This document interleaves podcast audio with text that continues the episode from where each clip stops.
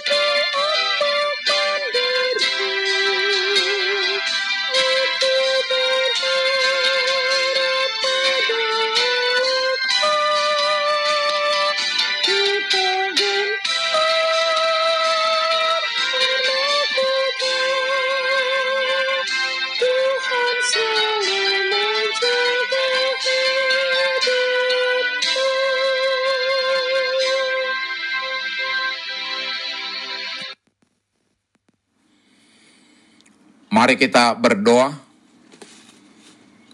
Tuhan Yesus, terima kasih atas hari yang baru, atas kehidupan sehari-hari, dan atas kehidupan kekal yang telah dianugerahkan kepada kami. Di pagi hari ini, kami hendak mendengarkan dan merenungkan firman-Mu. Berikan kepada kami hikmat dan pengertian untuk memahami firman-Mu, dan tolong kami untuk melakukan firman-Mu dalam kehidupan kami. Amin. Saudara-saudara yang dikasihi Tuhan Yesus, firman Tuhan untuk kita renungkan di pagi hari ini, terambil dari Daniel 9 ayat 9 dengan tema di dalam dia ada pengampunan demikian firman Tuhan. Pada Tuhan Allah kami ada kesayangan dan keampunan walaupun kami telah memberontak terhadap dia. Saudara-saudara yang dikasihi Tuhan Yesus, Kitab Daniel pasal 9 berisi dua-dua Daniel. Karena sering membaca dan meneliti kehendak Allah melalui kitab Nabi Jeremia, dia mengerti apa kehendak Allah, sehingga dia sangat serius dan bergairah untuk merenungkan Alkitab dan sujud menaikkan doa yang dilakukannya dengan penuh disiplin. Dengan membaca dan meneliti perkataan Allah, tentu akan membuat hati kita bergairah untuk berdoa dan memohon penggenapan janji-janjinya, yang membuat kita semakin percaya akan janji-janjinya. Dengan ditopang oleh doa yang sungguh-sungguh dan dengan iman percaya yang dalam, maka Allah akan memimpin kita melakukan apa yang sepatutnya kita lakukan. Saudara-saudara yang dikasihi Tuhan Yesus, dua Daniel di sini dibagi menjadi dua bagian yaitu mengaku berdosa ayat 4 sampai 15 dan memohon belas kasihan Tuhan ayat 16 sampai 19. Di dalam doanya Daniel mengaku bahwa di dalam Tuhan ada kasih sayang dan keampunan.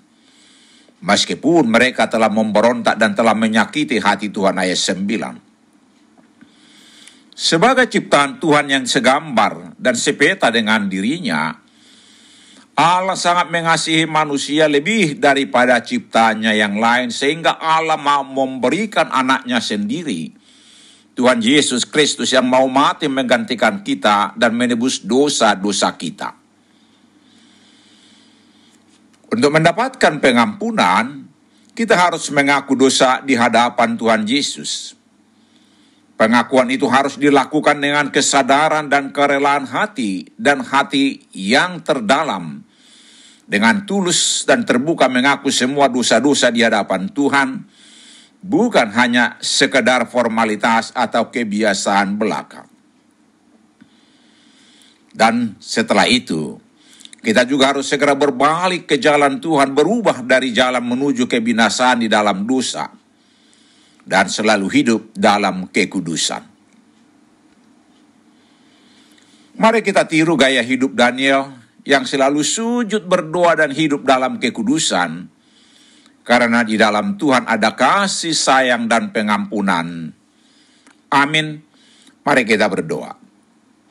Tuhan, kami telah banyak berbuat dosa kepadamu. Kasihanilah kami dan ampunilah dosa kami.